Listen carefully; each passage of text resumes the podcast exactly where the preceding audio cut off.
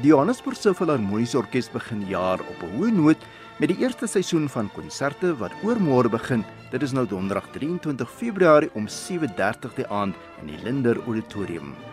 Tydens die konsert sal Brahms se tragiese ouverture Opus 81 uitgevoer word. Die Duitse komponis het dit in 1880 voltooi as 'n soort teenvoeter vir sy meer opgewekte en byna seëvierende akademiese feesouverture.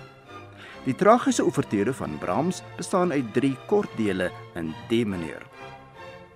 Die hoofwerk vir die aand is Mendelssohn se klavierkonsert nommer 1 in G mineur. Hy het dit gekomponeer min of meer dieselfde tyd toe hy sy 4de simfonie, die Italiaanse simfonie, voltooi het. Mendelssohn het die werk opgedra aan die pianis Delphine von Schauroth. Interessant is die feit dat die komponis self as solis tydens die premier opgetree het.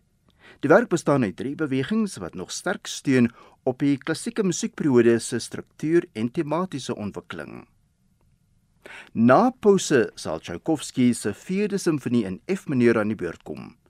Die vermaarde dirigent Nikolai Rubinstein het die orkes gelei tydens die premier van die werk in 1878.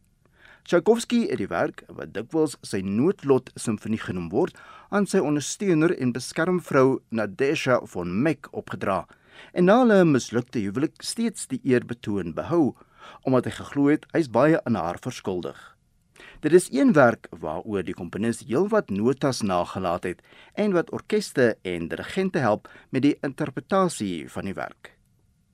Die Johannesburgse Filharmoniese Orkees word op 23 Februarie gelei deur die Iranse dirigent Hossein Peshkar en die solis is Danay Derken van Duitsland. Die konsert begin om 08:30 komende donderdag aand en kaartjies kan bespreek word by Quicket of by die deur.